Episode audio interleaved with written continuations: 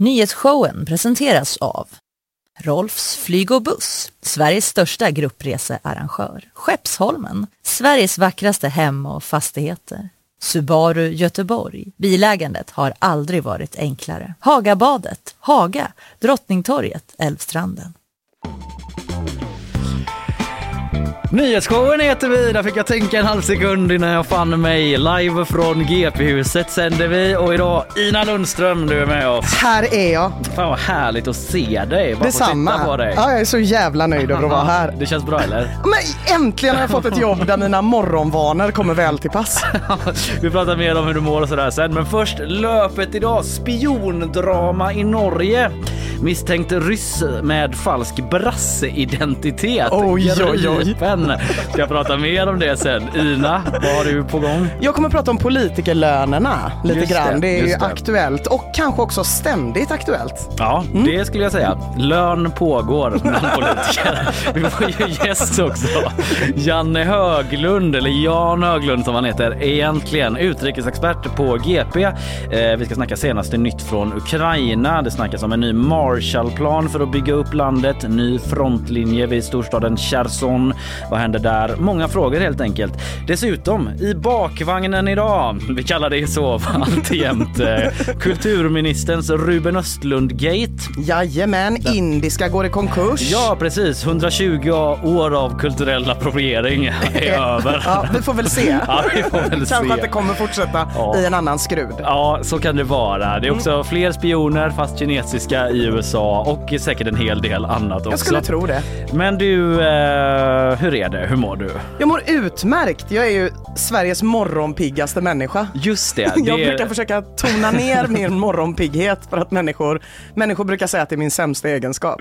Ja, det är det minst smickrande Ja, draget jag- hos Ina Lundström. Precis, jag kommer in här och skriker 05.15 God morgon! Ja, du var jävligt pigg. Mm, typ. och då hade jag inte ens druckit kaffe. Nej, nej, nej, men du liksom var redan uppe på Instagram, la ut roliga grejer. Ja, det var ja. liksom... Ja, det hände mycket innan 12. Ja. Hur är det med dig Kalle? Eh, jo men det är bra. Eh, det är bra. Det har varit eh, en eh, fullt upp, uppmorgon. Det var det här problemet med min elcykel att batteriet ploppar ur. Så jag Mm. Just måste stanna det. och ploppa i det hela tiden. Ja. Jag var lite sen. Och Den är lite deppig. Hamnade lite bakom hela tiden.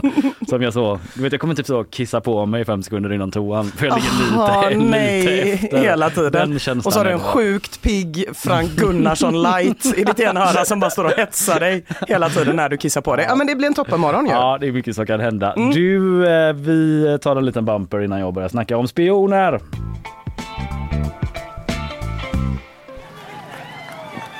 Kom igen! Ge mig lite nu! Såja!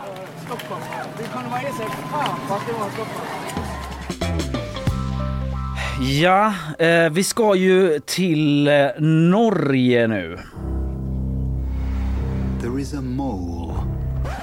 Ja, inte en djurmullvad, men en spion. Ah, okej. Jag älskar ju spionhistorier. Ja. Eh, Jag vet inte om du känner till det Jag visste, personlighetsdraget. jag visste inte om det personlighetsdraget. Jag, jag, jag är lite mer sval. Jag älskar däremot mullvadar. Så jag börjar lite på minus här. Ja, men, men det är okej. är Ja. okej. Ja men eh, eh, det här var också från Tinker Tailor Soldier Spy då, min favoritfilm. Tar alltid chansen att liksom skohorna in det. Men en eh, mole, en spion i alla fall, har, en misstänkt spion har gripits i Norge.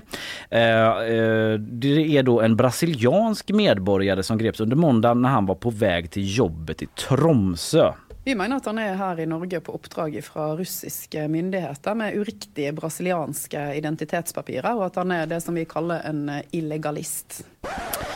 En illegalist i våra norska led. Otroligt. Det låter som typ en doktorsgrad i psykologi. men absolut. Ja. Illegalistexamen. Ja. Eh, nej, det betyder alltså en illegalist är, som de förklarade via Sveriges Radio, eh, en person som under lång tid jobbat för att bygga upp en falsk civil identitet för att komma åt uppgifter åt främmande makt. Och den vi hörde snacka om det här, det var Hedvig Mo som är assisterande chef för norska säkerhetstjänsten PST. För det man menar då är att den här brasilianska mannen som är i 30-årsåldern i själva verket då är en rysk spion och jobbar för rysk underrättelsetjänst. Vad är det han har gjort då? Nej men han är sedan 2021 hösten, alltså sen ett år tillbaka blir det, eh, anställd på Tromsö universitet och han ska i sin forskning där ha varit inriktad på hybridkrigsföring. Okej, nu tycker jag att det här var mer spännande än vanliga mullvadar. Du har fått över mig på din sida, Kalle. Det är en merit för mig, det skriver jag på CV. Eh, konkurrerade ut Inas mullvadsintressen. Eh, nej men så här, de menar att han är då ett hot mot grundläggande nationella intressen. Eh, mannens advokat eh, säger själv då att eh, han förstår inte alls de här misstankarna mot honom. Alltså inte advokaten utan, Nej, utan personen. jag förstår inte vad, vad är det här? Typ Nej. ett åtal. Men förlåt att jag är lite trög, men det, Ja. det var alltså en, en eh, rysk medborgare egentligen som utgav sig för att vara en brasiliansk medborgare. Han är brasiliansk medborgare men de menar på då enligt misstanken att han i själva verket är ryss. Ah, just det. som Mm. tagit sig med den falska identiteten till Norge då. För att bygga upp ett nätverk. Alltså att han ska eh, byggt upp någon sorts spionnätverk där för att på sikt då kunna komma åt massa information kring Norges politik i nordområdet. Jag kan utveckla det lite grann liksom. Ja. Eh, för jag googlade också Ja, nordområdet. och då känner man sig dum när man hör det. Man tänker det här borde jag veta, men ingen Börjar aning. Är norr uppåt? ja det är det. Nej men att det är, eh, där eh, ingår ju liksom Norge då men eh, vad jag förstår också då eh, Nordpolen, alltså Arktis. Det bubblar ju en del om Arktis kanske du känner till? Ja, det gör det. Och då menar jag inte bara att det är så varmt i vattnet Nej. eller varmare men i och med att eh, isen smälter där och så har det ju blivit liksom mer attraktivt för olika länder liksom att undersöka om man kan borra olja Mm. där, typ flytta fram positionerna eh, för olika så nya farleder. Mm. Typ. Det är så himla taskigt att liksom Nordpolen smälter på grund av att det släpps ut så mycket olja i Mm. Jag världen. Och då är man typ så, fan vad gött, då kan vi även borra er på olja. Det är ändå lite att skända liket. Men okej ja, då. det är så övertydligt liksom vad vi håller på med på jorden. Men jag ska säga det liksom att eh, jag berättar om detta för kontext men det är ingen som vet ifall det är sådana uppgifter. Mm. Nej, alltså, okej. Man vet inte vilka uppgifter det är. Nej. Men bara för att liksom ge kontext vad den här regionen, vad som är intressant där. Det finns ju andra saker också, typ norska oljeplattformar utanför Norges kust och så. Men bara lite till kort om Nordpolen är liksom att Ryssland har sedan länge det har även andra nationer gjort, men liksom flyttat fram sina positioner där. Till exempel 2007 så satte de en flagga på havsbotten. Okej. Ganska länge sedan men det var en forskare som åkte ner i en ubåt så bara klonk, Oj. Men, this is och, Russia now. Åh, jag vet för lite om fysikens lagar. I min, I min värld flyter den bara upp igen. Men jag antar att de hade en festanordning. Ja, eller typ att den kanske låg ner. Att Ja. det kanske inte var en hel flaggstång liksom. Nej, nej, kanske. den på något annat sätt. Det, Jag vet det är en svag flaggplacering. Det är inte månen, det känner jag. riktigt. Nej, roligt om det var ett tag att man måste ner varje morgon och och hissa den. så. Bygga ihop den fint i vattnet. Jättesvårt. Eh, nej men eh, ja, det var mer en parentes det med flaggan för att liksom signalera att de har varit på gång länge där. Men som sagt man vet inte vilka uppgifter det rör sig om eh, som den här misstänkte spionen då ska ha tillskansat sig. Eh, vidare säger den här Hedvig Mo då eh, att det är väldigt sällsynt just med sådana här illegalister att de avslöjas. Alltså Ja. sådana här som har en sån falsk identitet och eh, ligger och bubblar med det.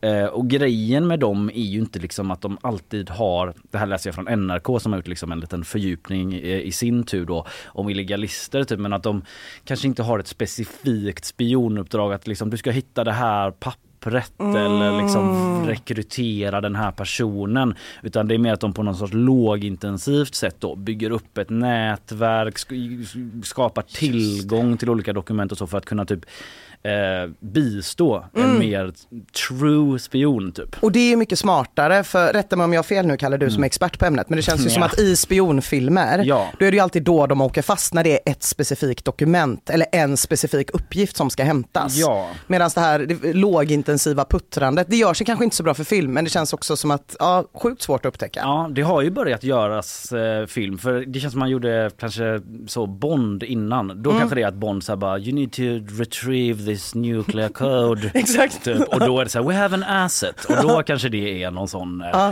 kan man tänka sig då. Liksom, ah, det är egentligen en amerikan men han jobbar typ för någon jävla mm, missi- eller vad säger man kärnvapenprogram någonstans liksom. Vet man någonting om hur den här killen åkte fast? Eh, nej, de är väldigt så här förtegna om alla Rimligt. uppgifter men han greps på vägen till jobbet liksom och de vill inte säga så mycket eh, och alls Mm. egentligen då. De eh, vill att han ska utvisas i alla fall eh, på sikt. Men eh, det som bara plocka upp snabbt att det har ju börjat göra lite tv-serier om just sådana sleeper cell agents, Ah. eh, typ falsk identitet. Den franska serien. Just det! En annan personlig favorit. Ja men då. den har jag faktiskt också sett, den var Ja. väldigt bra. Den är jättebra. Den handlar om det. Också den här The Americans som jag inte har sett. Nej inte heller. Men den är tydligen väldigt stor i Norge enligt NRK. Ja, det är en amerikansk serie på typ, där det är en familj som bor i en helt vanlig villaförort ehm, i USA men de är KGB-agenter egentligen då. Bara för att liksom, ja. eh, Så puttrandet har gjort avtryck även på populärkulturen. Så är det, precis. Eh, men i alla fall om man går vidare i själva den här spionhistorien då eh, så är han eh, nu då gripen och man vill att han ska utvisas. Eh, vad säger ryssarna eh, själva om de här anklagelserna? Ja, vad säger Kan de, Kalle? De säger att norrmännen är galna! Inte ordagrant. Nej. Men de säger så här att den senaste tiden har det funnits en spionmani i Norge. Eh, det säger en person på liksom, am, norsk, eller ryska ambassaden. Eh, och att det aktivt främjats då av myndigheter antar jag. Det står inte men liksom att allt ryskt eh, hela tiden misstänkliggörs. För grejen är att på två veckor nu så har det varit nio ryska medborgare och nu då en misstänkt spion som gripits. I Norge? Ja, så det har varit en grej som har okej. pågått Mm. ganska länge och i flera fall handlar det om att folk har flugit drönare då på ställen där de inte får flyga drönare och fotat. Eh, Det är ju en dum hobby att ha som ryss i dessa dagar. verkligen kanske är helt vanliga sådana pappor som lite så tillbaka lite. Ja, man borde så mycket bara gå över till helt vanliga modellflygplan. Ja, ja men faktiskt. Eh, och eh, ja men eh, de har sagt då säkerhetstjänsten i Norge att risken för sabotage mot norska gas och oljeanläggningar har ökat. Eh, man kanske tänker lite på Nord Stream, vad vet jag. Kanske det. Grejer kan hända Ja, i havet. Eh, Mm. liksom, o- oavsett, man vet inte vem som ligger bakom exakt. Så här. Nej, Men det är du- inte som att de lämnar flaggor alltid. Nej, precis. Eh, i, eh, I förra veckan så greps till exempel sonen till en rysk oligark, då, en Putin-allierad. Han ska liksom kommit med sin lustjakt, yacht. Ah, nej, det där ordet går inte att uttala, men jag vet vad du menar. Alla förstår i alla fall. Eh, till eh, norska kusten och sen då flygit drönare över Svalbard och sen gripits då.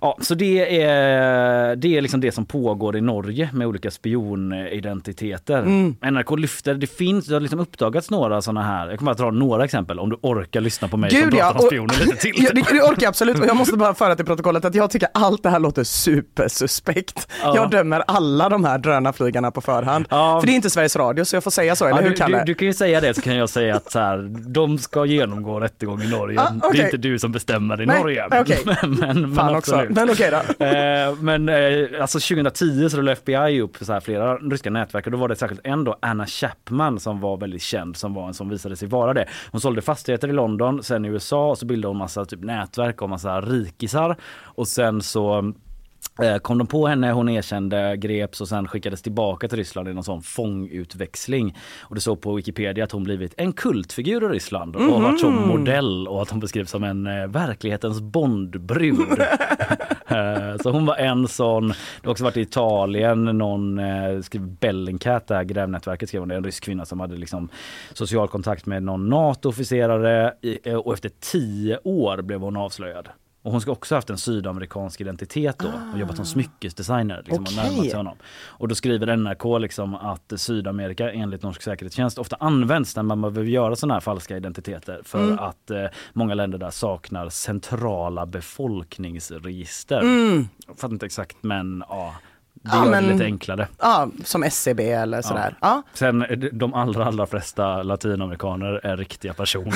Jag vill liksom inte misstänkliggöra en hel kontinent. Självklart.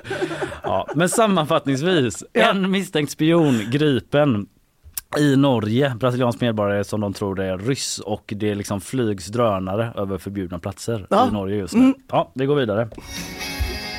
Nej, nu spelar jag helt fel. Det var Björn Skifs, eller vad säger jag, Tommy Körberg från igår. Här kommer en pumper. Den största faran och den, det är ju den som, det är de som tar min ensamhet ifrån mig. Det är det är bristen på ensamhet som förtär mig. Yes, eh, vi ska gå vidare och eh, innan vi gör det med liksom vårt program så Ja. tar vi lite reklam. Det kommer här. Nyhetsshowen presenteras av Rolfs flyg och buss, Sveriges största gruppresearrangör. Skeppsholmen, Sveriges vackraste hem och fastigheter. Subaru Göteborg. Bilägandet har aldrig varit enklare. Hagabadet, Haga, Drottningtorget, Älvstranden.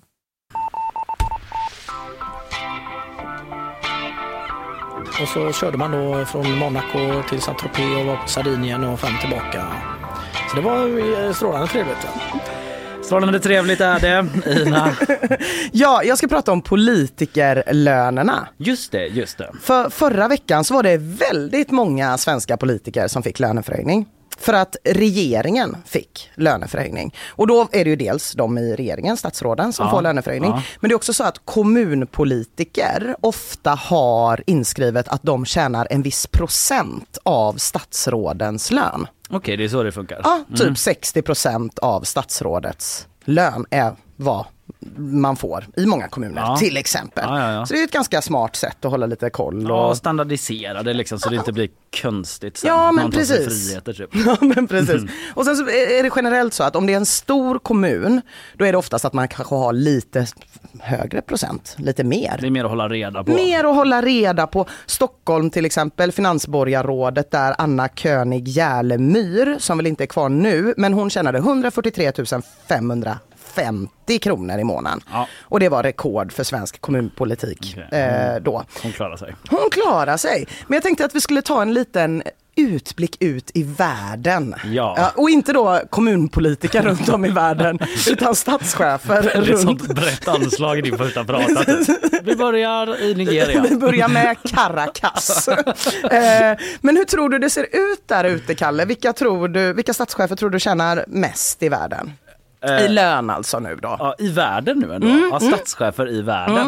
Eh, nej men eh, jag tänker mig att det säkert är, det beror på vad man mäter, men typ någon diktator tjänar för säkert jättemycket. Bashar al-Assad typ Ja, okej, i ja. Syrien. Ja. Eller så är det bara typ eh, alltså Joe Joe Biden för att USA har så mycket pengar. Alltså jag trodde nog att det var Joe Biden för jag tänkte att den här kommunprincipen gällde även out there. Så stora länder, mycket pengar Ja. till presidenten. Visar sig att det inte alls är så. Joe Biden får bara 400 000 dollar per år. Vilket är vad den amerikanska presidenten får. Jag eh, hänger inte med så mycket i utrikespolitik, det är inte min starkaste sida. Så jag vet inte exakt, och det är inte bara jag som inte exakt vet vem som är premiärminister i England just nu. Sluta göra bort dig så mycket. Nej, det är inte alla Nej. det. Nej. Men eh, en av Bojos efterträdare, Ja. oklart vem det är idag, får i alla fall 167 906 dollar. Det är ju liksom mindre än hälften Ja. av Bidens lön. Mm. Hur mår de typ? Ja, det Klarar måste ändå kännas lite deppigt när man hälsar och så vet man så, jag tjänar hälften så mycket som du. Segt. Men det är inte de stora länderna som tjänar mest, utan det är de små. Alltså den presidenten eller premiärministern som drar in allra mest kulor, det är Singapores premiärminister Lee Hsien Long som också har suttit sedan 2004 och är semidemokratisk har jag kommit fram till. Okej. För inte stöta mig med någon. Men det är bra suttit länge då att man har sån bra löneutveckling. Nu är det liksom avtalsrörelse. Ja, sjukt bra. Och Joe Biden skulle ju kunna då bara haka på där och säga så, jag ska alltid ha en fjärdedel av vad Singapores premiärminister har. Men han har alltså då fyra gånger så mycket som Joe Biden och tio gånger så mycket som Boris Johnson eller vem det nu är. Ja, okej. Kaxig på olika sådana FN-möten. Killar, jag tar den. Ja, jag, jag jag, jag tar den notan, inga konstigheter. Eh, och en, eh, ehm, den svenska statsministern, kanske man undrar, Ja. det är ungefär 200 000 US dollar per år. Så det är fortfarande mer än Boris Johnson eller vem det nu är. Ja, Rishi Sunak kanske. Eller Ja, något. Ja, det, ja, det är en viss skräll. Ja, ändå skönt att Sverige ligger på någon sorts lagom nivå då. Ja, ja men jag tycker det. Men ändå topp 15 tror jag, Ja, ja, okej. eh, när jag såg listan. Och näst mest är också ett litet land. Det är Hongkong, alltså lite till ytan. Eh, inte alltid kulturellt avtryck antar jag. Men John Lee där då tjänar 690 000 dollar per år. Och det finns, det är mycket det. Det är mycket fördelar ju med att tjäna jättemycket pengar som politiker. Men det finns också lite nackdelar. Ja. Eh, jag vet inte om du kommer ihåg när Olof Palme inte kunde svara på vad en liter mjölk kostade på 70-talet. Ja, jag känner igen exemplet. Eller kommer ihåg, det var inte som att vi satt hemma framför tvn och rasade Ja, du och jag. Tio år innan vi föddes. Men, men just den här tanken om att politiker ska tjäna en lön som gör att de förstår medborgarna. Ja. Det är ändå något ideal som finns. Det finns bland, eh, med- medan andra säger att det är viktigt med en hög lön för att undvika korruption. Just det, just det. Att de inte ska bli frestade att Precis. låna av maffian. Typ. Precis, och Mm. det finns ju många länder som är inte bara semidemokratiska utan helt odemokratiska där det inte verkar som att presidenten tjänar några pengar alls på pappret. Men Vänsterpartiet har ju länge varit emot då att det ska vara högre politikerlöner. Det finns också många småpartier nu som har drivit den här frågan frågan inför valrörelsen. Ja, okay.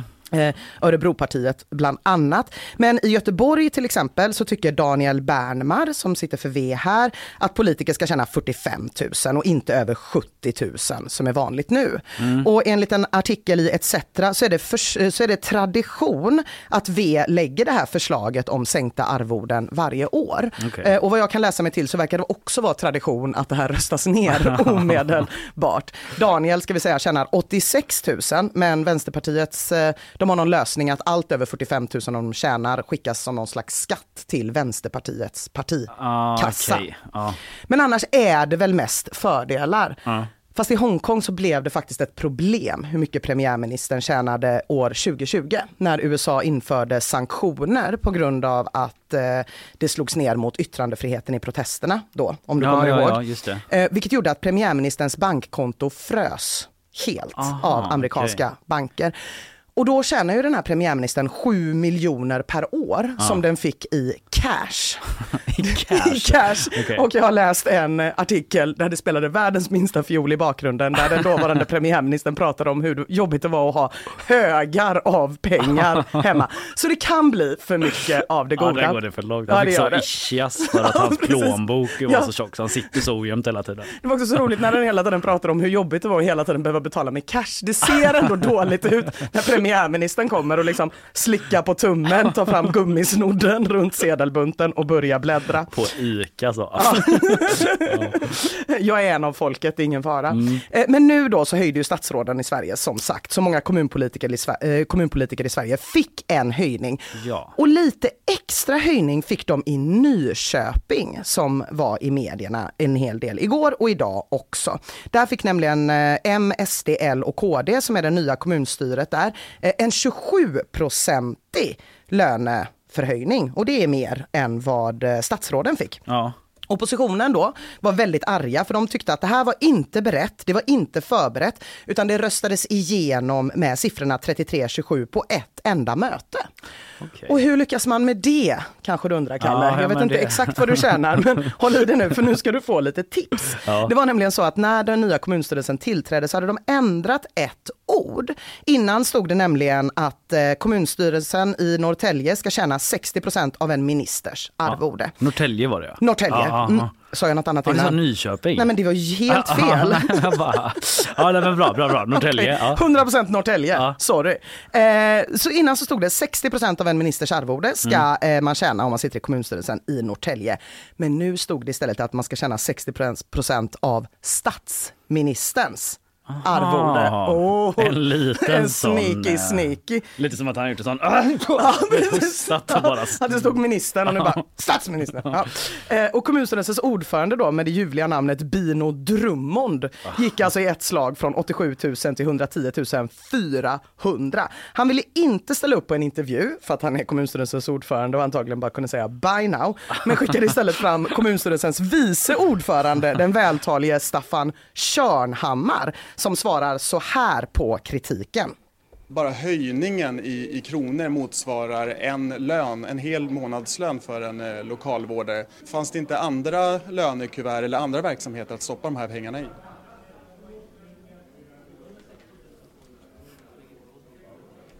Den, vad händer liksom?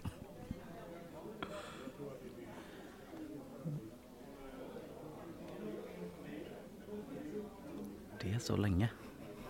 24 sekunder. Ja, det är... Aldrig varit tyst så här länge. Det är ju alltid en fråga om prioriteringar.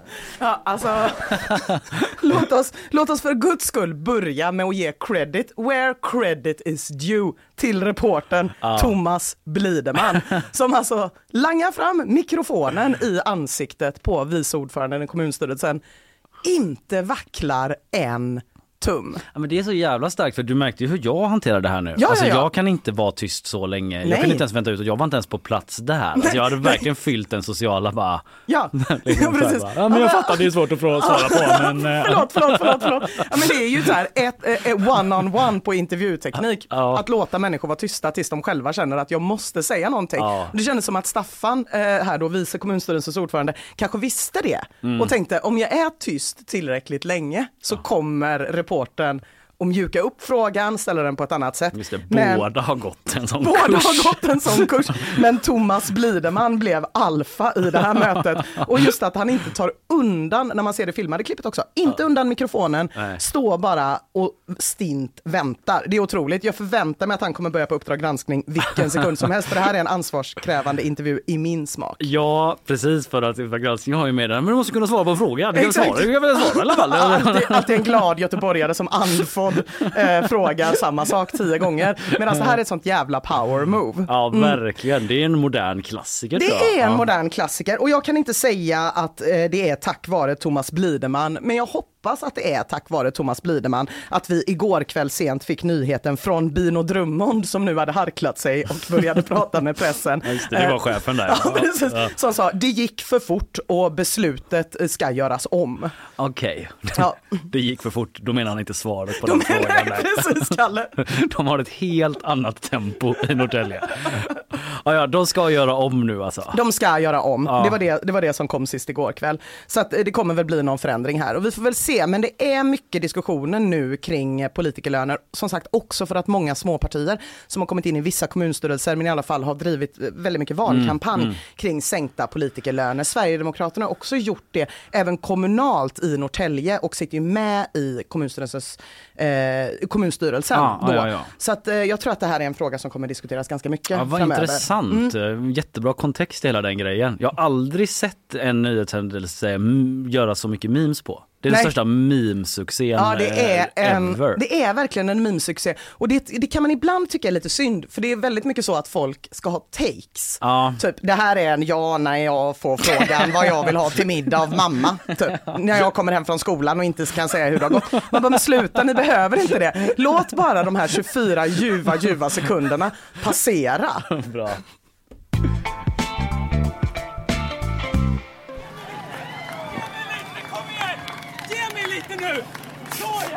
Såja! Yes, eh, vi ska vidare. Om en stund så kommer det gäst. Det är Jan Höglund, utrikesexpert eh, här på GP. Vi ska snacka om den senaste utvecklingen eh, i Ukraina. Också lära känna Janne lite grann sådär. Han kommer ju vara återkommande här eh, hos oss då och då. Han har en jäkla karriär bakom sig. Typ där det har smält, där har Janne varit typ Ja. i 40 år. Och kommer vara. Och kommer vara också. Eh, innan vi släpper på honom eh, så tar vi lite reklam. Nyhetsshowen presenteras av Rolfs flyg och buss, Sveriges största gruppresearrangör. Skeppsholmen, Sveriges vackraste hem och fastigheter. Subaru Göteborg. Bilägandet har aldrig varit enklare. Hagabadet, Haga, Drottningtorget, Älvstranden. Sådär ja, Janne är på ingång, kommer om en liten stund här. Jag kan passa på att eh, puffa lite framåt. Eh, Efter gäst så drar vi alltid lite så nyheter från senaste dygnet ungefär. Alltså allt jämt så pågår ju den här ormhistorien i Ja. Stockholm. Lite nya uppgifter som kommer där om huruvida den här ormen liksom kommer stanna inne eller inte. Eh, Vi har ju också det här med indiska då. Just det. Funnits i 120 år. Ja, det är otroligt. Den klädbutiken. Ja, de var en del av av Ostindiska kompaniet ser man framför sig. De kom med gammal klöver, muskotklöver redan på 1600-talet. Men nu är det slut på det. Vi kommer snacka om det eh, och en del annat. Vi tar en eh, liten paus här, vila på gingen medan eh, Janne får sätta sig till rätta.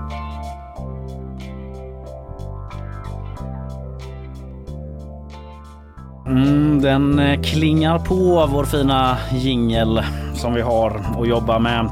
Nu har eh, dagens gäst kommit in i studion då som utlovat. Eh, det är ingen mindre än Jan, får man säga Janne? Jag säger själv Janne. Du säger själv Janne. Janne Höglund, utrikesexpert här på eh, GP. Vi ska ju snacka om det senaste från kriget i Ukraina då. Det händer ju saker hela tiden, självklart. Eh, men vi tänkte också att vi skulle passa på att bara ge våra lyssnare en liten brief om dig. För eh, vi kommer ju ha med dig här då och då liksom och hjälpa oss att förstå världen och du har ju en eh, gedigen karriär säger jag, så slipper mm. du säga det själv. Men eh, hur länge har du liksom hållit på med utrikesjournalistik? Ja, du sa förstå världen, det tror jag är ganska svårt att ja. förmedla. eh, jag tror inte det spelar någon roll hur länge man jobbar, man förstår inte världen och just nu så är den helt obegriplig som början. Mm. Ja, jag var ju väldigt ung när jag drömde om att bli journalist, utrikesjournalist och sen när jag blev lite äldre så började jag skriva och sen så har jag jobbat som nyhets och utrikesreporter, eh, ja vi kan säga sen på allvar sen Falklandskriget. Mm. Och sen har det gått framåt och eh, jag är ju ett barn av det kalla kriget. Jag växte upp och det var ju liksom cementerat att det var ett öst och ett västblock och det var Sovjetunionen och det var USA som dominerade världen. Vi trodde ju att det skulle avslutas 90, 91 då mm. när Sovjetunionen föll men nu är vi ju tillbaka där igen och det kan ju mycket tillskrivas just Vladimir Putin som blev premiärminister 99 och sen president 20 och som en kort period som han lät Medvedev, Medvedev ta över makten så styr han. Och nu har han ju förändrat världen och gjort den upp och ner. Så att det är en period med oerhört mycket krig, mycket katastrofer och mycket mm händelser som eh, präglar på det utrikespolitiska området. Mm. Så du, du känner att det finns stora likheter då? Låter det som mellan ja. när du rapporterade kring kalla kriget och hur alltså, det ser ut idag? Absolut, mm. det har ju kommit tillbaka. Det ju, har ju använts begreppet ett eko av det kalla kriget och det är i högsta grad eh, verkligt situationen i, under kalla kriget då, det präglades ju av ändå att det, det fanns ett hot med kärnvapen, det fanns en motsättningar mellan öst och väst. Det fanns en järnridå. Eh, men på något sätt var det ändå förutsägbart. Det var de här två blocken, de stod mot varandra och de visste vad de hade varandra. Nu är ju inte situationen alls på samma sätt. Nej. Den gamla järnridån som Putin krävde tillbaka i december månad, det vill säga att de gamla östländerna som nu är med i EU och NATO, att de skulle återigen införlivas i någon sovjetisk eh, maktsfär. Det var ju dumt att eh, misslyckas från början och att NATO från 1997 skulle flytta tillbaka alla sina positioner, vapen, eh, flygbevakning som de har i Baltikum. Det är också eh, helt eh, orealistiskt mm. att tänka sig. Så det var ju ett utspel som var dömt att misslyckas. Så man kan ju fråga sig Putin är ju i rysk tradition en väldigt skicklig schackspelare. Man har väldigt svårt att se hans nästa drag och ibland så gör han överraskande drag som mm. överrumplar en mästare. Men i det här fallet så undrar jag ju Trodde han verkligen på det han själv sa? Mm. Ja det är många saker man undrar om det. Man hade velat ta sig in i, i huvudet på den mannen och se vad som försiggår. Men nu är vi ju framme då i ett eh, extremt allvarligt läge givetvis. Det är krig i Ukraina. Om man bara ska säga någonting om läget vid eh, frontlinjerna just nu. Cherson har det pratats om. Eh, om man börjar där, vad, vad är det som, eh, som väntas där egentligen? Ja, Cherson det var den första staden som eh ryska trupper ockuperade efter invasionen den 24 februari och det är en viktig stad, en hamnstad. Den är eh, ganska stor. Ja, normalt sett så är det ungefär 250 000 invånare. Nu har det väl blivit mycket mindre. Mm. Nu har man ju, säger man, evakuerat civila människor som är kvar där. Om det har skett frivilligt eller med tvång vet vi inte. Vad vi vet däremot är att eh, de ukrainska förbanden de har gått offensiv de pressar på och med amerikanska och europeiska precisionsvapen så kan de angripa dem, bland annat broar över floden Dnepr. Så man har tvingat de ryska trupperna i stort sett, eller de ryska, från den västra sidan av Dnepr över floden mot den östra. Och den offensiven är ju väldigt viktig för Ukraina att visa att man nu är man på gång på samma Mm. sätt som i Kharkivunionen och där råder väldigt hårda strider och svår situation för de civila naturligtvis. Så skulle Cherson falla, det innebär att i stort sett Krim också är hotat eftersom vattenförsörjningen Mm. kommer därifrån. Så, det är att- både symboliskt och strategiskt viktigt. Då. Exakt, Ja. så att det har väldigt stor betydelse just det. Och eh, vad som vi ser nu också att på den ryska sidan så är ju, kan man ju ana en viss desperation. Mm. Vad, vad kan man förvänta sig då att Ryssland skulle göra i så fall? Igår så samlade ryska presidenten Putin ett speciellt råd där han sa vi måste göra mer och snabbare tillsammans. Han begärde ju en eh, partiell eh, mobilisering av ryssar för en tid sedan och den eh, ambitionen var 300 000 man ungefär. Och hittills enligt Putins egna uppgifter så är det 222 000 man som mobiliseras. Problemet är bara att många saknar utrustning. Mm. Många saknar vapen. Många saknar till exempel skyddsvästar. Eh, Logistiken brister, underhållet brister. Och viljan brister. Det är väldigt många som inte ens vill i det här kriget. De tvångsrekryteras.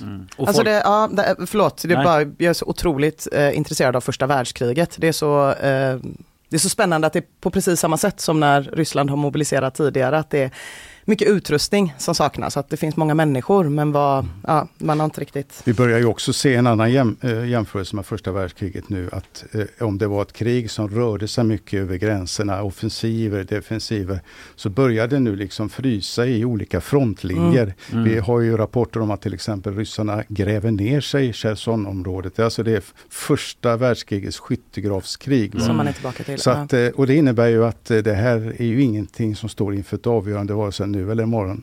Nej. Det här kommer dra på, ut på tiden lång, lång, lång tid. Mm. Det man har läst om nu det senaste är ju också att Ryssland angriper särskilt olika energisystem och, och den typen av infrastruktur. Liksom hur, Ja. hur omfattande är de attackerna? Eller, och, ja, man förstår ju varför man gör det men Första nattens krig den 24 då utmärktes ju också detta av att man eh, sköt robotar, missiler över i stort sett hela landet. Inte så utpräglat mot just eh, eh, eh, energi och andra strategiska mål utan även liksom nästan slumpmässigt. Även i västra Ukraina, städer Mm. som vi hade besökt bara dagen innan. Nu har man ju efter det att eh, man angrep bron över eh, Kerchsundet, alltså Putins prestigeprojekt som skulle förbinda Krim Ja. Med ryska fastlandet. Eh, så svarar ju eh, Putin med det här liksom offensiven från himlen mot mål. Och nu säger ju Zelenskyj att kanske 30 procent av energiinfrastrukturen är utslagen i Ukraina. Och det är ju oerhört mycket. Det är kallt och det är svart i många ställen. Och igår så uppmanade den vice premiärministern i Ukraina folk som har flytt utomlands att vänta med att komma tillbaka efter vintern för situationen väntas bli så katastrofal. Och den här typen utav terrorbombningar mot just de här energimålen, civila målen. Det är ju helt uppenbart medvetet. Man vill helt enkelt frysa ut Ukraina inför vintern också. inför vintern. Ja. Fy fan. Det är mycket, ja, återigen första världskriget, om det blir en riktigt kall vinter så Ja. känns det som att det kan ha enorm betydelse. Ja. Eh, hur länge eh, tror du att Ryssland kan fortsätta med den här typen av missilbeskjutningar mot olika strategiska mål? Det har varit en del tal om att de kanske börjar få slut på vapen. Ja, det finns ju många tecken på det. Alltså det är ju oerhört eh, eh, krävande, konsumerande att hålla på och skicka de här missilerna. Och vi ska komma ihåg de här kryssningsrobotarna. Det är oerhört dyra vapen och de finns ju inte i hur stor mängd som helst. Och alla internationella uppgifter talar ju för att man börjar få lite ont av de här kvalificerade eh, vapnen, precisionsvapnen. Då använder man för att återknyta de gamla krigen, mera dumma vapen som Mm. inte med precision kan nå målen men de ställer ju till en fruktansvärd skada på civil eh, infrastruktur som hus och vi ser ju många civila som dör i de här. För att kompensera detta nu så har ju enligt alla uppgifter, även om Iran för, eh, förnekar det, har man ju köpt och använder eh, iransk tillverkade drönare, kamikaze-drönare. En ganska eh, ålderdomlig till utformningen, låter som en mopedmotor, mm. går ganska långsamt men de skickas i svärmar och de kan alltså åstadkomma en fruktansvärd skada och det har vi ju sett den sista tiden nu. Det är vad det låter som, alltså drönare som bara är laddade med någon sprängladdning och dundrar rätt in i Så är det. Ja. Så är det. Och, eh, det är ett rätt, relativt primitivt vapen och det tycks ju vara så att eh, Ukrainas förmåga att skjuta ner de här har ökat. Mm. Men det är, det, det är, fortfarande ett väldigt farligt vapen. Men, drönare har ju använts på båda sidor. Till exempel turkiska drönare används av Ukraina mot Ryssland och, och, så vidare. Men eh, det här är ett nytt moment som man måste ta hänsyn till. Hur ser det ut med Ukrainas militära kapacitet då? Alltså de har ju haft ett inflöde av mm. vapen mm. från väst men finns det mm. några tendenser på att det skulle sina på något vis? Absolut. Man kan ju säga att varje samtal som Zelensky har med omvärlden via videolänk så sent som igår, det är ju en vädjan om mer vapen, mer vapen, mer vapen. Och eh, de behöver ju framförallt luftvärn för att kunna möta de här nya hoten. Och även om man har fått väldigt mycket redan eh, så är ju behovet enormt för det går ju åt mycket varje dag och man har, ser ju framför sig att även ryssarna kan ju eh, öka sina beskjutningar. Så att det är nästan en papegojas upprepning när man hör Zelensky närmast vädjar till omvärlden att mer vapen, mera kvalificerade vapen. Mm. Och ju mer de hörsammar detta, desto mer dras ju också NATO in i detta. Ja. Vi ska prata mer om en stund om det här. Eh, det har pratats om en ny Marshallplan då, på tal om ekon från gamla krig mm. Eh, som skulle mm, ja, bistå eh, Ukraina ekonomiskt. Vi kommer till det efter en liten paus. Innan vi går på den tänkte jag bara fråga, alltså, jag vet inte om du har hunnit kolla på det, men jag såg en nyhet i morse om att Ryssland vill, det var Svenska Dagbladet som skrev, vill ta en by utan strategiskt värde och att det är den här Wagner-styrkan då som ska ha närmat sig den här byn Bachmut om jag uttalar det rätt. What's that about? Det är ett moment som man nu ska vara väldigt uppmärksam på, det vill säga det är underförstått kritik mot Vladimir Putin. Vem som mm. helst uttalar inte kritik mot Putin ostraffat, men det finns vissa kraftfulla grupper som gör det. En är då eh, Jevgenij Prigozjin som är alltså den eh, han var affärsman och nära förbunden med Putin. Han skapade den här legostyrkan Wagnergruppen och den tar sig större och större friheter. Den finns i Mali nu, den har funnits i Mellanöstern, Libyen, Syrien och den deltog också från första gången 2014 när, eh, när Ryssland gick in i Ukraina för första gången. Han har uttalat väldigt kritik mot hur, hur kriget förs. Och de håller på att upprätta en egen försvarslinje som de kallas för Wagerlinjen, Wagnerlinjen borta i Donbass nu. En annan person att också inte glömma i det här sammanhanget. det är en person som de många skulle betrakta som en eh, krigsförbrytare, det vill säga Tjetjeniens eh, ledare Kadyrov. Mm. Han hävdar nu att för varje missil som skickas in över gränsen mot Ryssland så ska man svara med att tillintetgöra ukrainska städer från jordens yta. Han är också aktiv och de här rösterna de, liksom, de når fram till Putin. Ja, vi eh, sitter alltså med eh, Janne Höglund, utrikesexpert här på Göteborgs-Posten. Vi pratar eh, om Ukraina och Ryssland och kriget. Vi är snart tillbaka. Vi tar en liten paus och ehm, fyller på vårt kaffe och så vidare. Sen ska vi snacka Marshallplan, en ny sån för Ukraina. Smutsiga bomber har det pratats om också. Vi är tillbaka om en liten stund.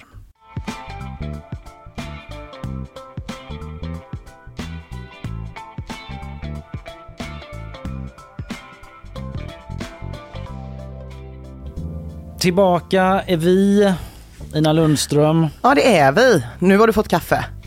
Absolut. Doften av kaffe och Marshallplaner på morgonen fick dig ja. att vakna sa du? Med en liten touch av en dirty bomb. ja, Janne Höglund är det alltså som vi snackar med som är utrikesexpert här på GP och skriver analys för tidningen och gjort det i många år. Eh, vi eh, började, vi puffade lite som man säger på gammalt radiospråk Mm. om att vi skulle prata om det här Marshallmötet som det kallats. Alltså det hölls ett eh, EU-möte igår där man pratade om en slags Marshallplan för Ukraina. Först Janne, vad det är Marshallplan? Alltså många kanske vet det men kanske inte alla ändå. Vad är det för historiskt man syftar på då? Marshall, det var en amerikansk utrikesminister som eh, eh, vars namn då blev namnet och hans initiativ en plan för Europa att återuppbyggas efter andra världskriget.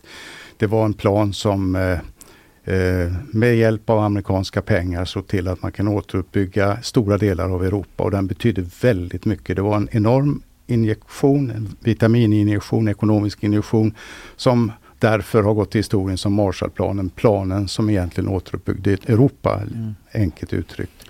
Och nu eh, vet vi ju att situationen i Ukraina är ju katastrofal på alla sätt och vis. Och igår så hade man en, eh, ett möte om hur man ska återuppbygga detta och eh, den tyske förbundskanslern var ju, Schulz, han var ju väldigt eh, tydlig med att vi måste börja den här återuppbyggnaden nu. Det går inte att vänta.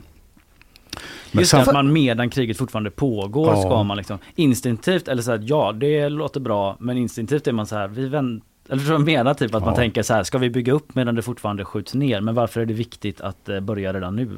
Alltså jag tror ju att eh, det är mera symbolik än egentligen reellt eh, tänkande. Man kan ju inte bygga upp städer som ligger under beskjutning. Man kan inte bygga upp de här städerna, Borjanka och sånt som kan komma att utsättas igen. Men det handlar ju om eh, humanitärt stöd. Stöd till människorna i vardagen. Skolor, mat, livsmedel, eh, sjukvårdsattiraljer. Alltså stöd till ett samhälle att klara sig. Zelenskyj Zelensky var ju med på detta mötet igår och han man beskri- IMF, alltså den internationella Monetary Fund, säger ju att skadorna kanske uppgår till 3500 miljarder hittills. Svårgreppbart. Ja, det är så mycket verkligen. pengar så att Man frågar inte ens vilken valuta för man vet bara att Mm. det är otroligt mycket men det kanske var eh, svenska kronor. det var svenska Ja, kronor. mm. Men å andra sidan, det var ju som eh, båda ledarna, Ursula von der Leyen och andra framhöll, och det är för stora belopp för ett land att hjälpa utan vi måste alltså vara flera och, och göra det tillsammans. För nästa år be beräknas alltså bara för att klara uppgifter som pensioner, sjukvård, alltså de grundläggande servicerna i samhället, det ukrainska samhället, som det är idag, så kanske man behöver upp till 50 miljarder hjälp varje månad. Oj, Alltså ja. det är ett gigantiska behov de har för att få samhället att fungera. Va? Mm. Och eh, det är detta då man pratar om en Marshallplan. Så det är väl snarare en tanke att vi måste hitta på något bra organiserat klokt system för att hela tiden hjälpa det här landet att återuppbyggas. Så det är snarare så man ska se det än att tro att man ska börja bygga upp husen imorgon. Utan Mm. det är en successiv hjälp till människorna Mm. och sen som går ut. Va? Tänker man att då det är olika EU-länder gemensamt eller hur? Jag tror att eh, alltså Scholz, den tyske förbundskanslern, han är ju inte bara eh, förbundskansler i Tyskland, han är också ordförande för G7, alltså världens sju viktigaste, eh, rikaste länder.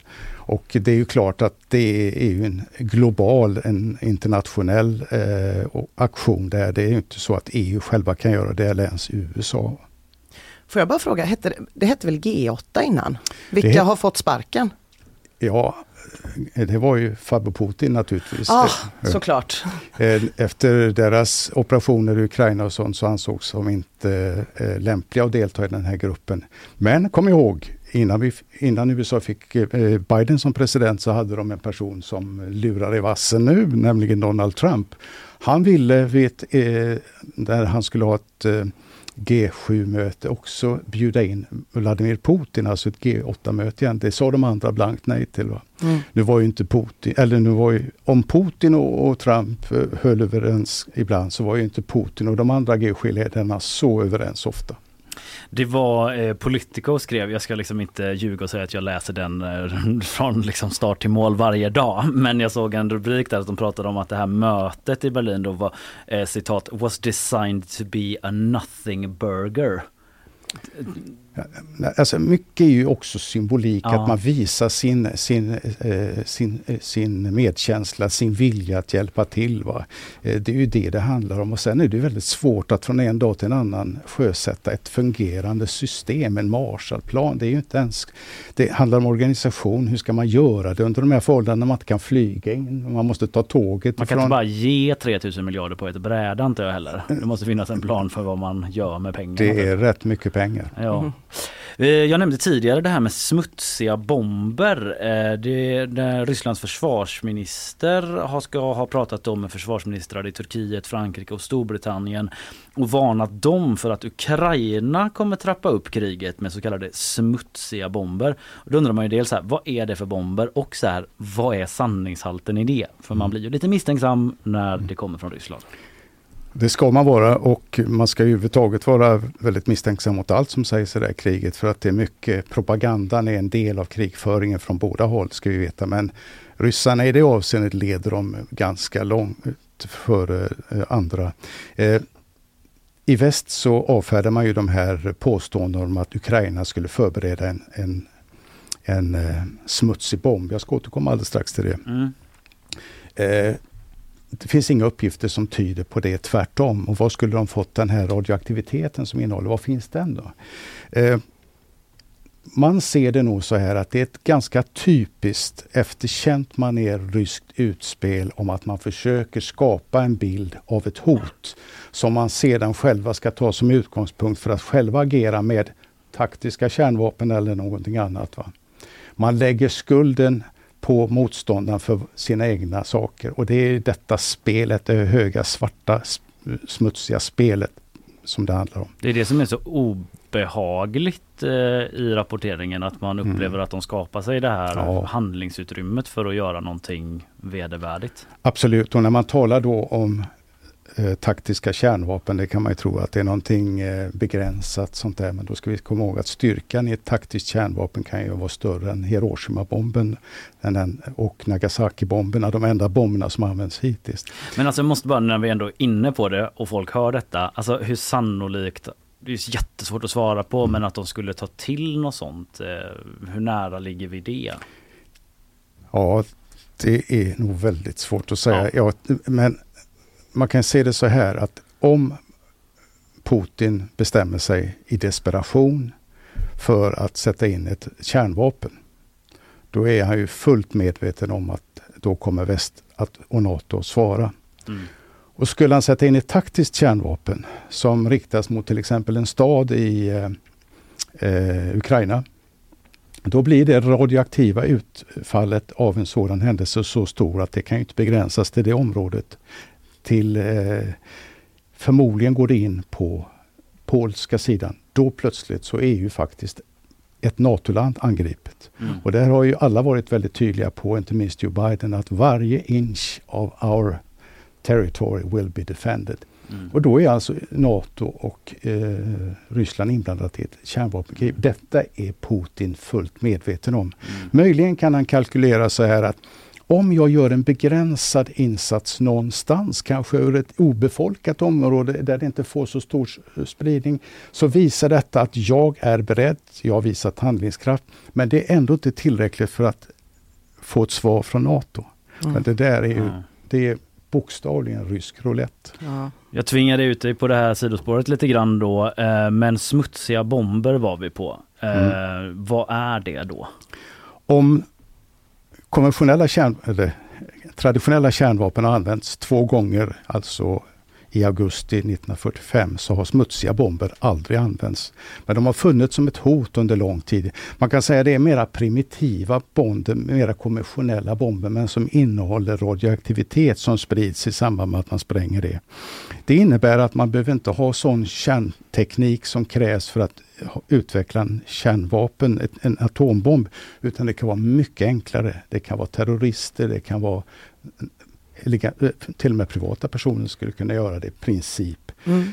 Sen vad man får tag på radioaktiviteten, det kan man alltid diskutera. Men det är en mycket enklare konstruktion, mycket farligare konstruktion. Och även om man har hört och varit orolig för det flera gånger så är det ingen som använt det hittills. Vi har aldrig sett konsekvenserna av det i verkliga livet.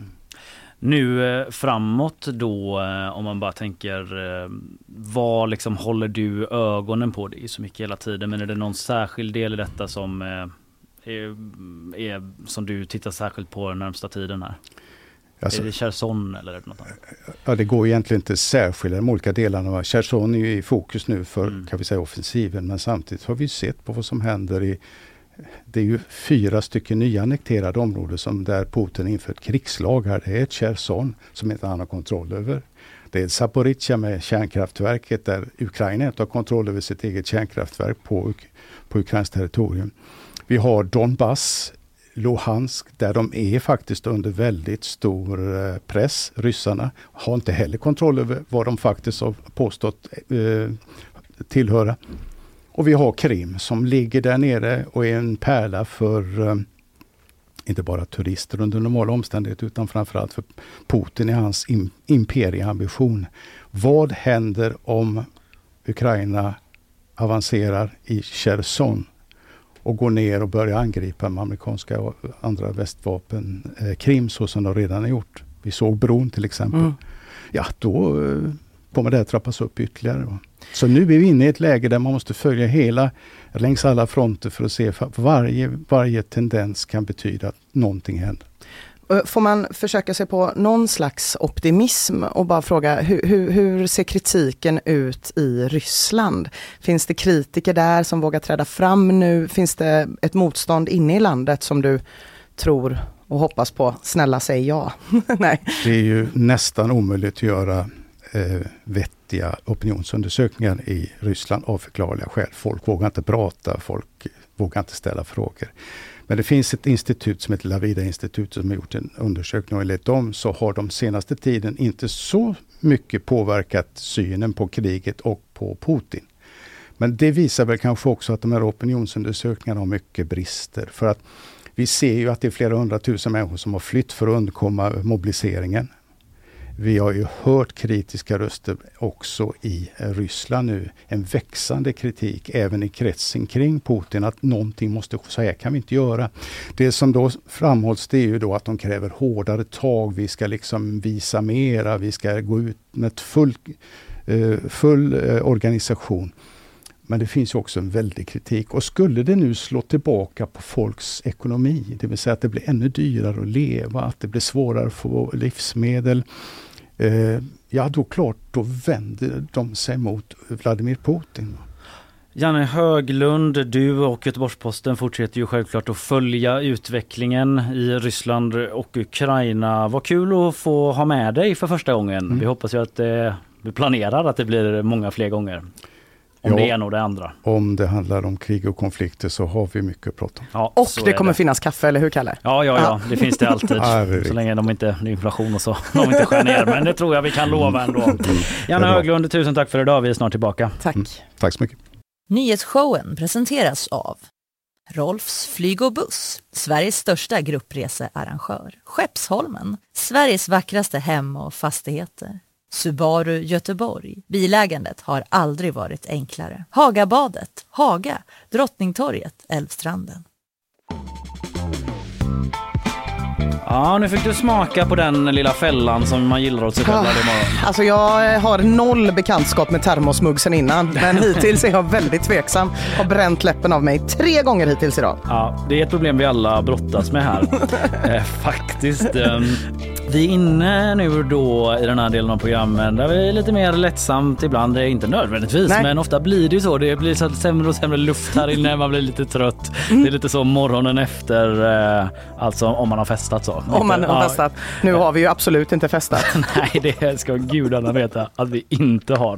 Eh, Men du, eh, vill du börja eller? Men det kan jag absolut göra för att jag kan egentligen börja med att berätta att Indiska då går i konkurs efter 120 år. Just det. Klädkedjan. Klädkedjan som jag minns från min ungdom som liksom the shit. Ja, den är ju verkligen, den är ju en väldigt eh, central men det är så klassisk del av Mm. det göteborgska shoppinglivet. Den har ju Precis. legat där så jäkla länge på, på Kungsgatan. Ja, och med den här fina rulltrappan upp och två våningar. Det var väldigt flådigt där inne. Och det var ju en period, det var egentligen två vevor jag kommer ihåg när indiska verkligen var the shit. Först på eh, ganska tidigt 90-tal, då var ju ekomode inne. Det var en det kort period när saker var typ beiga Aha. och bruna och inte hade varit det innan. Och där var indiska med på, med på det tåget, eller inte varit det sedan 70-talet. Och sen så var det ju etnomode där mer runt millennieskiftet. Ja, det var en Eh, annan tid ändå. Det var innan folk eh, visste vad kulturell appropriering var. Ja, så då körde man stenhårt. Bindi i ansiktet Som- på någon, eh, ja, Ja. en blond Sara, helt okej, precis en sån prick. Mm. Eh, sålde de på indiska. Det var som att jag inte vågade säga det. Jag bara Du vågade inte säga prick i pannan. Nej, du mimade. Jättebra radio. Ja, Inga Kalle lyssnare Berg ser det. pekar i pannan. eh, nej men så att det var ju verkligen flådigt. Jag kommer ihåg också hur man gick där och strök. Nu låter det som att man växte upp i Sovjet men det gjorde man ju nästan Kalle. Det var så mycket färg In där inne. Okej, nu blir det här också extremt exotiserande. Det var färg, Ja. det luktade kryddor, Dofterna. det var myrra. Människorna. Mötena! Ja, det var en liten kontinental oas i det gråsosse-Sverige vi alla växte upp i. Men nu är det alltså slut Ja. på det hela. Och ja, det här bekymrar mig eh, av flera olika skäl. Just nu så eh, i mitt liv så har jag inte så mycket plats för fotsida kjolar och den typen av plagg. Men det har varit ett tufft år för den underbaraste människan som finns i hela Sverige, människotypen, eh, nämligen kulturtanten. Mm, just det, jag tror jag vet vad du, Du är vet, på väg du mot. vet vart jag ska. Ja, mm. Alltså, företagsledaren för Kulturtanternas märke nummer ett Ja. är ju den sista som ska gå runt och vara rasist öppet. det var ju vad Gudrun Sjödén anklagades för. Ja hon Och- gjorde ju det. Eh, Och jag tänker att kvinnor som bär Gudrun Sjödén är nog några utav dem som är minst sugna på Ja. att köpa kläder av en uttalad rasist. Ja, jag minns ju inte själv exakt vad Gudrun Sjödén har sagt men eh, hon håller ju inte med om, att, eh, om de anklagelserna. Hon håller inte med om Nej. de anklagelserna, men, men jag eh, tror ändå att det har varit många som har behövt leta efter ett annat sätt att eh, tillgodoses sina internationella sjok i klädväg. Ja, ja. Vagt etniska kläder har varit kanske svårare att få tag på än någonsin. Och nu, som ett slag i ansiktet, Ja. så kommer indiska och gör på det här sättet. Vad vi blir kvar? nästa grej? Liksom, att det blir ja. förbjudet med jute på grund av att det saknas halvledare? Ingen vet. Men det känns bara som att de kan nog inte ta mer nu. Och antagligen så kommer de få söka sig till ännu dyrare butiker, kanske. Eh, Och då... Eller typ åka rakt av till Indien då. Ja just det, men då har vi klimatet. Ja, då har vi det. Ja, och flygskammen, det är Mm, mycket den mm. grejen. Ja. Eh, Jag tänker att det här är eh, enligt min erfarenhet och boende i Majarna, de, den gruppen i Sverige som ger absolut mest till andra. Jag tror att om man kollar flest ägare till jätter Ja. i västafrikanska byar på distans per capita. Ja, Då ja. har du eh, kvinnor klädda i Gudrun Sjödén och indiska väldigt högt upp. Om vi tänker en riktigt talanglös poetry slam-artist som har fått hybris på Café Hängmattan och kanske tar 225 kronor för en biljett. Ja, ja, jag vet precis. Då är det de som är där. Ett, eh, en medioker akvarellkonstnär som ställer ut någonstans på Kulturnatta. Ingen kommer utom de här kvinnorna. De håller inte bara Sveriges ekonomi utan Sveriges kulturliv igång. Ja. Och det är frågan om det inte är dags att de får något slags stöd. Ja just det, från Mm. staten. Ja, Från staten. Bidrag. Pristak på olika indiska så askar med Ja. fina fejkade smaragder på. Ja, typ. ja. Det tycker jag. Hör ni det regeringen? Är det Frölunda eller? Ja. Ja, Nya loggan, vad tycker du? den är skitsliten. Så jävla skön. Ja, han är väldigt, väldigt skön.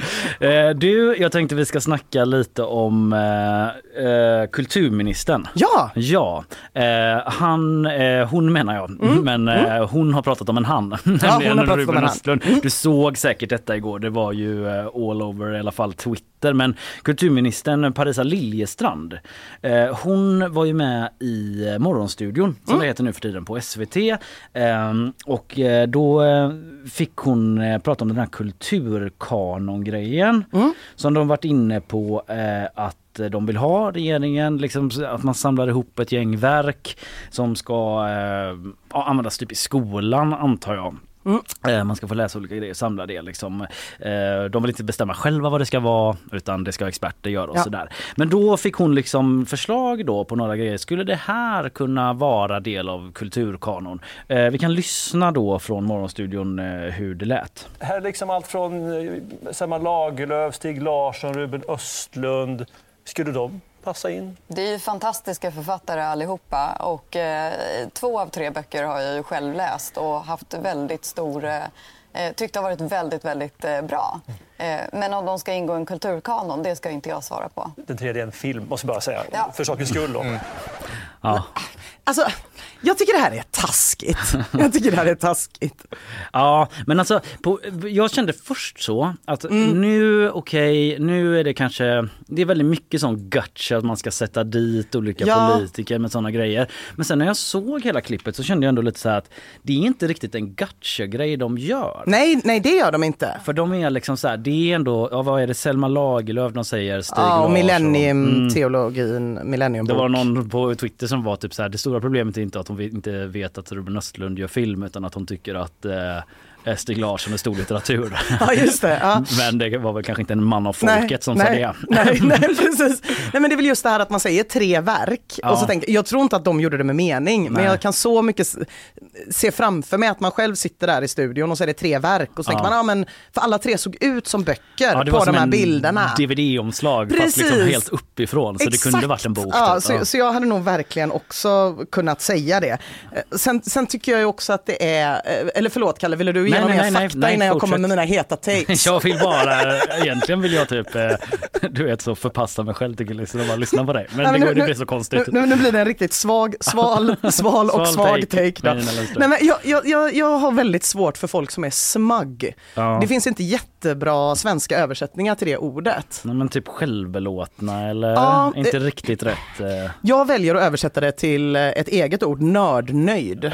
Ja, Du vet som serietidningsgubben i Simpsons. Ja, just Eh, det, om, någon inte, guy, ja. om någon inte känner igen en obskyr referens så sitter man så. God. Och eh, tyvärr var jag inne på Twitter igår och möttes av en vägg av nördnöjdma då.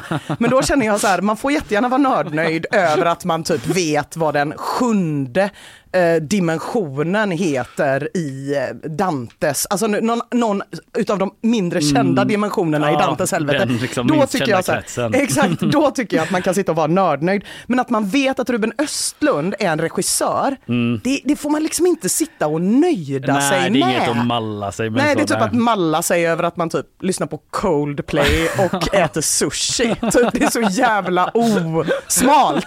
Så jag bara känner så här, ni förtjänar inte att känna er som smartare människor. Ni som visste att eh, ni är dåliga elitister. Ja. Jag skulle vilja ha sådana elitister som de har i Frankrike. Ja just det, som är, men just det, som är verkligen kulturellt kapital på riktigt. Ja typ, men precis, precis. Det, Mm. det är ett sånt jävla bondeland att det är så här, jaha visste du inte vem Ruben Östlund var? Man bara, nej okej wow. Och de Säg tre svenska filmregissörer. Sartre på precis. djupet. Ja, precis. Jag vill ha någon som typ knäar en för att man säger någonting helt som man själv tänker. Alltså, Ja. Som Nobel, när Nobelpristagar-diskussionerna sker. Mm, just det. Då känner jag att det är lite Frankrike i Sverige. Ja. När det diskuteras namn som jag aldrig har hört talas om. Då känner jag så här, ni får vara nördnöjda när de Mm. väljer någon som inte är en jättekänd person. Kör hårt, Ja. jätte, jätteskönt. Men att sitta och vara typ Selma Lagerlöf. Det var som när Gurna vann eh, och typ nästan ingen visste vem det var. Ja. Men där var det ju rätt berättigad nördvänlighet på det förlaget som bara ja, vi har gett ut honom i ganska många, Ja, många år. Jag Vi har gett ut frågan. 17 exemplar. Vi står bredvid Daidalos på bokmässan och brukar bli kissade på av alla som springer för att få boken signerad av Leif GW. De jävlarna ska få vara nördnöjda, men inte kreti och pleti som vet att Ruben Östlund är faktiskt regissör. Nej, fy på er allihopa, så känner jag. Jag skulle ändå in på en liten faktadetalj till då. Det är Okej att. Ruben Östlund har svarat. Ja, just det! Mm. Du såg det? Han, eh, han eh, ifrågasätter hel, eh, hela Ulf Kristersson Ja. men, eh, för valet av kulturminister. Mm. De fick tag på honom då på eh, eh, Kulturnyheterna tror jag, på SVT. Och frågade honom, han hade skrivit liksom på Instagram först, skojat lite Ruben. Han var så här, Mm. boken släpps i december Mm. eh, och, eh, eh, och typ tipsat om att den finns på bio, hans film och sådär. Sen Mm. hade han lagt upp någon grej där det stod så backa kulturministern men det raderades sen enligt Expressen. Oh. Ja, jag vet inte, det kändes inte så övergränsande. Nej, verkligen inte. Ja, jag vet inte, han kanske inte var nöjd med skämtet bara. Där har vi ju varit på Instagram. Ja, gud, ja. eh, han var också då att han fick frågan eh, av SVT eh, om typ hur han ser på det. Det sa han först så här, de har gjort bort sig här, eller nej, de som har gjort bort sig här är Ulf Kristersson som tillsatt henne. Jag tycker att man ska vara insatt i området innan eh, man får positionen. Mm. Eh, inte att man ska sätta sig in när man väl fått den. Och sen så får han frågan då ifall han eh, tycker att kulturministern borde veta vem man är. Och då säger han, ja det tycker jag på ett sätt. Alltså här kan jag ju känna ett visst syskonskap Ja. med Ruben Östlund. För jag har varit i en väldigt liknande situation nyligen. Jag vet Ja. inte om du känner till det. Nej. Men eh, Atenius Ja, eh, var ju här för två det. dagar sedan. S- eh, S-bossen i Göteborg ja. Mm. Precis, och eh, väldigt snarlik grej. Blev inte riktigt lika mycket snack om det på Twitter. Men eh, han skulle ju också gissa vem en känd person som kanske borde ingå i kulturkanon är. Ja, jo men just det. Mm. Eh, Har vi det klippet? Kan vi höra hur det låter? Eh, Men har vi det? Nej, för eh, vi har det egentligen. Men eh, jag har typ missat att lägga in det. Det är ingen fara, då kan jag fortsätta ragea bara pyttelite. För jag tar vill verkligen ta fasta på det här som Ruben Östlund säger om att... Men det eh, det var var att vi, vi hade ju ett quiz med honom eh, där han skulle gissa typ olika kända göteborgare. Ja. Och då fick han höra ditt skämt och han typ visste inte vem det var. Han visste inte vem jag var, han visste inte heller i och för sig vem Håkan Hellström som man inte kände igen på rösten var. Men lite som den kritiken Ruben Östlund skickar mot Ulf Kristersson skickar jag då mot eh, väljarkåren i Göteborg Ja. som har tillsatt en person som inte känner till en så viktig del av kulturkanon. Nej, riktigt så mycket hybris har jag faktiskt inte. Nej, vi får se eh, om... eh, Man hade velat ha med Ruben Östlund på något sätt och fråga sig upp, eh, du vad heter kulturministern förresten? Ja!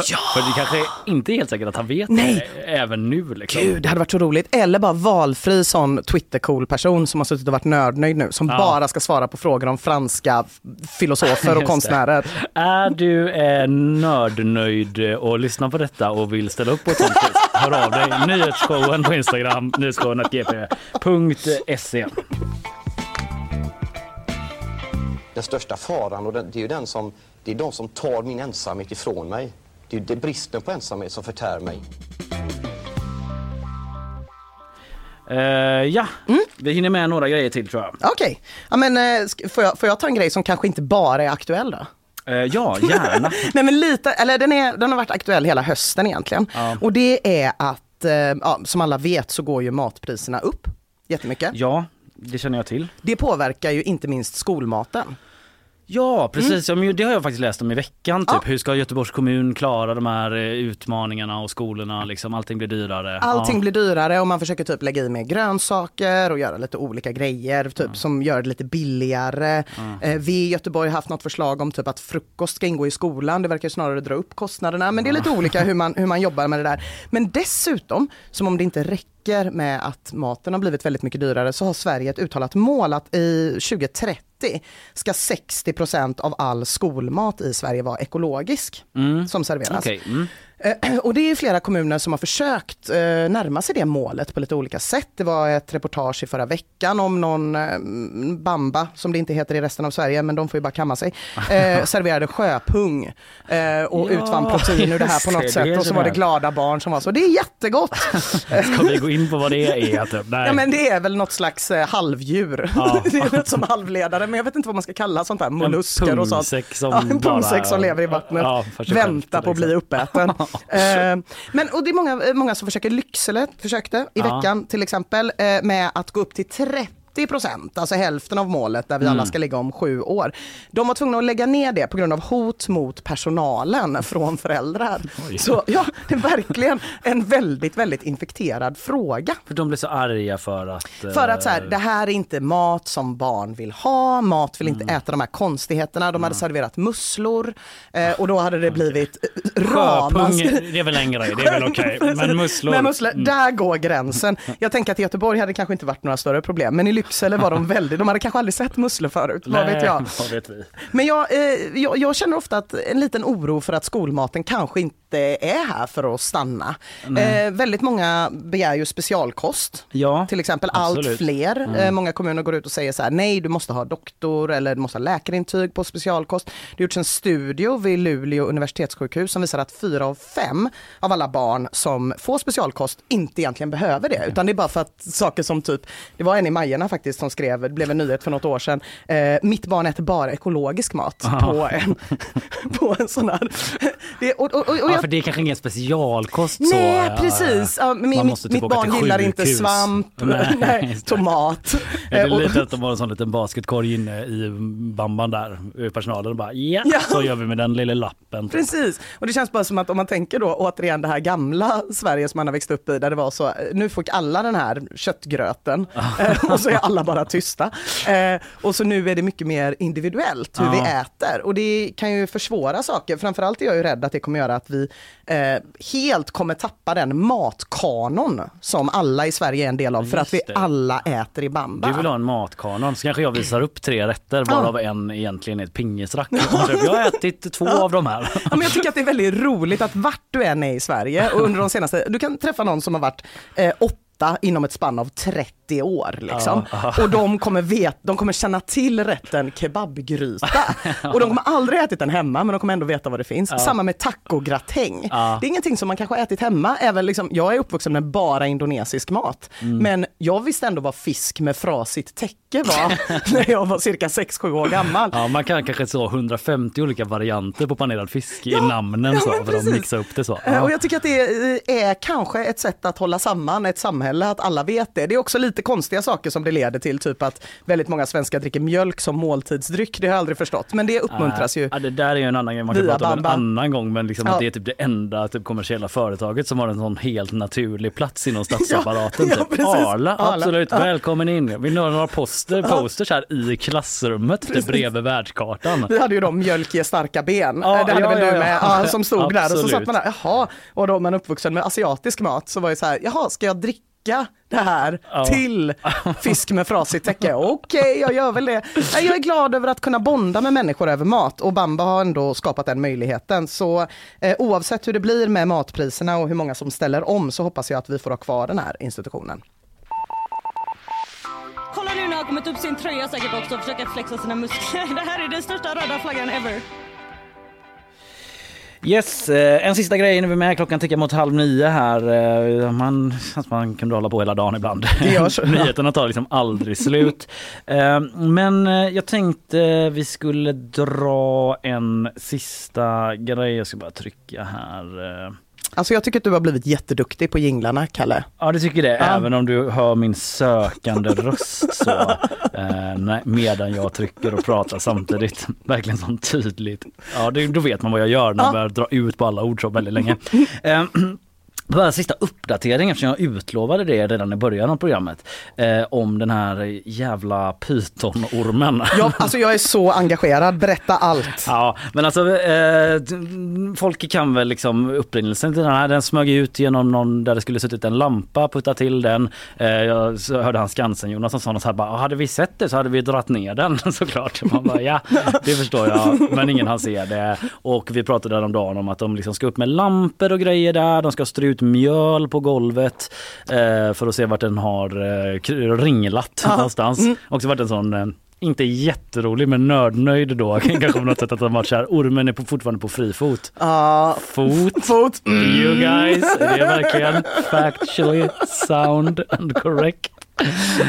Hej Aftonbladet, ett mail typ. Fötter, de ser ut så här. Det här är norm. Ja, eh, skitsamma, men det nya nu då som jag hörde igår var en sån riktig skrämselrubbe på Aftonbladet som löd ungefär eh, kan visst ta sig utomhus. Så lät den absolut inte, men du fattar. Vadå? Nej men att den har varit, eh, den här ormen, alltså Skansen-Jonas har varit så här, den kommer inte lämna eh, terrariet där. Den kommer liksom inte dra ut på Djurgården ut i Stockholm. Nähä. För att eh, det är för kallt.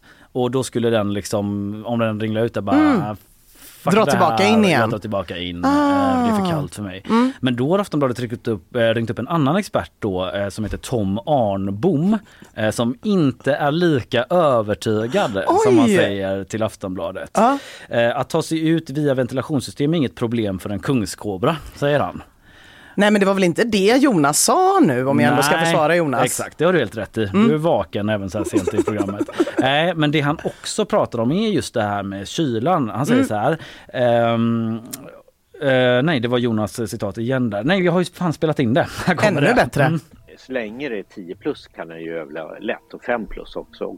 Har den väl ätit så behöver den ju inte äta på väldigt lång tid. Det handlar om månader i sådant fall.